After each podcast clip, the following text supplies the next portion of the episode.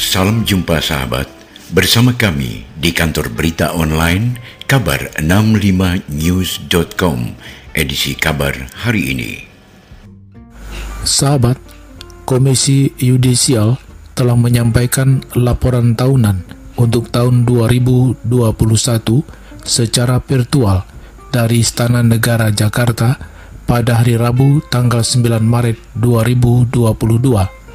Dalam laporannya, Ketua Komisi Yudisial Mukti Pajar Nur Dewata mengatakan, Acara penyampaian laporan tahunan Komisi Yudisial tahun 2021 ini kami selenggarakan sebagai bentuk transparansi dan akuntabilitas pelaksanaan kinerja kepada lembaga negara, kementerian, instansi pemerintah dan swasta terkait organisasi masyarakat, media, serta masyarakat umum.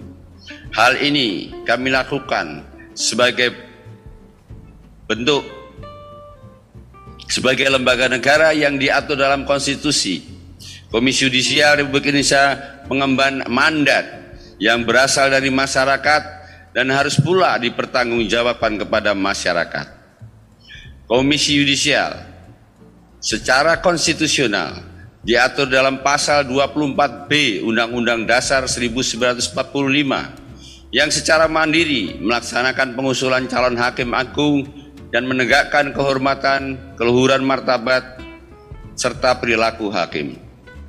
Hal ini secara tegas memberikan makna paradigmatik bahwa komisi yudisial bukanlah komisi pemberantas hakim, namun komisi yang bertugas menjaga integritas hakim dengan tujuan membangun kepercayaan masyarakat terhadap hukum dan lembaga peradilan.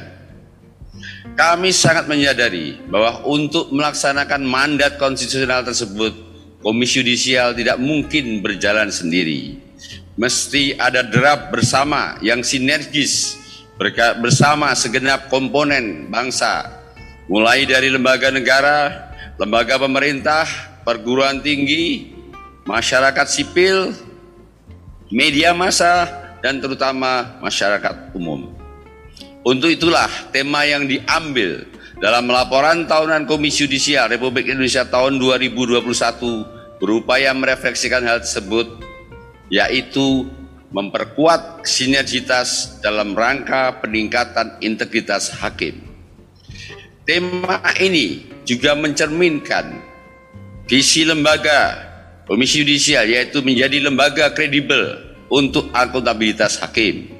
Visi tersebut kemudian diterjemahkan kepada misi Komisi Yudisial tahun 2020-2024 yaitu satu meningkatkan integritas dan kapasitas hakim.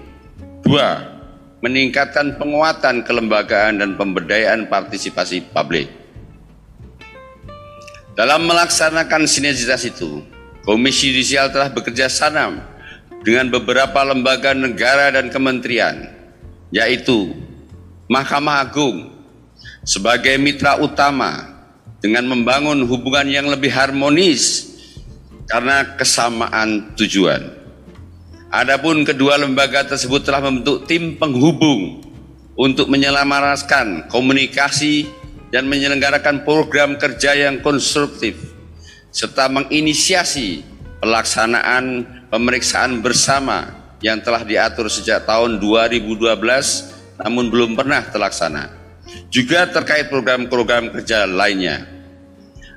Dan ada sejarah yang telah kami bangun bersama dengan Mahkamah Agung yaitu bahwa Komisi Yudisial bersama Mahkamah Agung telah bersanding duduk bersama di Komisi Pemberantas Korupsi pada saat ada namanya penanganan hakim. Kepada Komisi 3 DPR RI sebagai mitra utama dalam proses seleksi calon hakim agung dan calon hakim ad hoc di Mahkamah Agung. Kami juga bekerjasama dengan Komisi Pemberantasan Korupsi dalam hal penerusan rekam jejak calon hakim agung dan pengawasan perilaku hakim.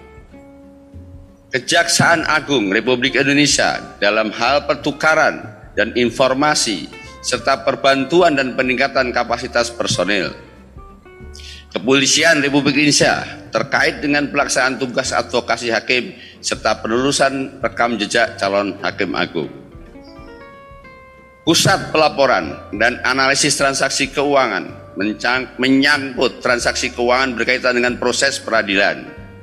Juga dengan Kementerian Keagraria dan Tata Ruang Badan Pertahanan Nasional dalam program pemberantasan mafia tanah Kementerian Pendayaan Aparatur Negara dan Reformasi Birokrasi terkait dengan peningkatan mutu kelembagaan Komisi Yudisial.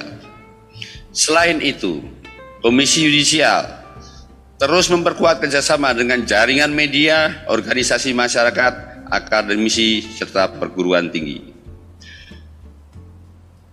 Tugas dan fungsi yang diamanatkan oleh konstitusi tetap peraturan perundangan yang diimplementasikan Komisi Yudisial menjadi pembidangan kerja yang masing-masing diketuai anggota Komisi Yudisial yaitu pertama bidang rekrutmen hakim Dr. Siti Nurjanah SMA bidang pengawasan hakim dan investigasi Dr. Joko Sasbito SMA bidang sumber daya manusia hukum advokasi penelitian dan pengembangan bin Ziyad Kadafi SA LLM PhD Bidang pencegahan dan peningkatan kapasitas hakim, Sukma Violeta SHLM. Bidang hubungan antar lembaga dan layanan informasi, Profesor Amjulian Rifai SHLM PSIC. Untuk bidang rekrutmen hakim, Komisi Yudisial telah menyelesaikan satu kali rangkaian seleksi calon hakim agung dan saat ini masih menyelenggarakan proses seleksi calon hakim agung dan calon hakim ehok tidak pidana korupsi di Mahkamah Agung untuk kedua kalinya. Pada masa kepemimpinan ini, dari sisi pendaftar tahun 2021, jumlah pendaftar Hakim Agung mencapai jumlah pendaftar tertinggi sepanjang sejarah Komisi Yudisial, yaitu sebanyak 149 pendaftar pada seleksi calon Hakim Agung periode pertama dan Seleksi jumlah kedua jumlah pendaftar calon hakim agung sebanyak 136 pendaftar dan jumlah pendaftar calon hakim ad hoc tindak pidana korupsi sebanyak 57 pendaftar sehingga total pendaftar mencapai 193 pendaftar. Proses rekrutmen dimulai dari sosialisasi, penjaringan, tahap-tahap tes hingga penyerahan nama kepada DPR RI. Bidang pengawasan hakim dan investigasi. Pada tahun 2021, Komisi Judisial menerima laporan masyarakat sebanyak 2.501 laporan, yang mana 471 laporan di antaranya adalah permohonan pemantauan. Selanjutnya Komisi Judisial sudah menyelenggarakan sidang pleno untuk 218 laporan dan mengusulkan sanksi terhadap 87 laporan. Selain itu Komisi Yudisial juga telah menyelenggarakan dua kali persidangan Majelis Kehormatan Hakim bersama dengan Mahkamah Agung. Selain melakukan pengawasan terhadap hakim untuk menjaga integritas dan martabat hakim, Komisi Yudisial juga melakukan advokasi terhadap hakim yang mendapatkan intervensi baik dalam bentuk kekerasan maupun ancaman. Pada tahun 2021, Komisi Yudisial telah melakukan advokasi hakim terhadap 13 laporan berbagai bentuk tindak perbuatan merendahkan kehormatan dan keluhuran martabat hakim. Di bidang hukum, pada tahun 2021, Komisi Yudisial juga berhasil mempertahankan kewenangan konstitusional untuk melakukan seleksi calon hakim ad hoc di Mahkamah Agung melalui putusan Mahkamah Konstitusi nomor 92 PUU 18 2020. Bapak Ibu para hadirin yang saya muliakan. Dalam bidang hubungan antar lembaga dan layanan inovasi, Komisi Yudisial melakukan pemberdayaan memangku kepentingan dan publik dengan melakukan penguatan kerjasama hubungan antar lembaga dengan berbagai perguruan tinggi, baik negeri maupun swasta, kementerian, lembaga negara, dan badan layanan umum. Komisi juga, juga telah melakukan pelaksanaan analisis pengkajian terkait kajian kebutuhan unit pembina jabatan fungsional penata kehakiman, kajian disparitas putusan sidang pleno komisi judisial, dan karakterisasi putusan berbasis aplikasi. Terkait pelaksanaan komunikasi publik, komisi judisial secara periodik menyampaikan press release dan press conference melalui web resmi Komisi Judisial dan berbagai media massa lainnya. Hal ini untuk memberikan informasi yang valid dan terpercaya kepada masyarakat. Untuk memudahkan akses kepada para pencari keadilan di daerah, Komisi Judisial melakukan pengelolaan dan evaluasi kinerja terhadap 12 kantor penghubung Komisi Yudisial juga telah menginisiasi pembukaan delapan kantor penghubung di delapan provinsi yang akan direalisasikan pada tahun 2022 ini. Bidang pencegahan peningkatan kapasitas hakim. Untuk meningkatkan kualitas hakim, Komisi Yudisial menyelenggarakan kegiatan sebanyak tujuh kali pelatihan yang diikuti oleh 281 hakim. Pelatihan ini meliputi, perkembangan ilmu hukum dan kode etik pedoman perilaku hakim.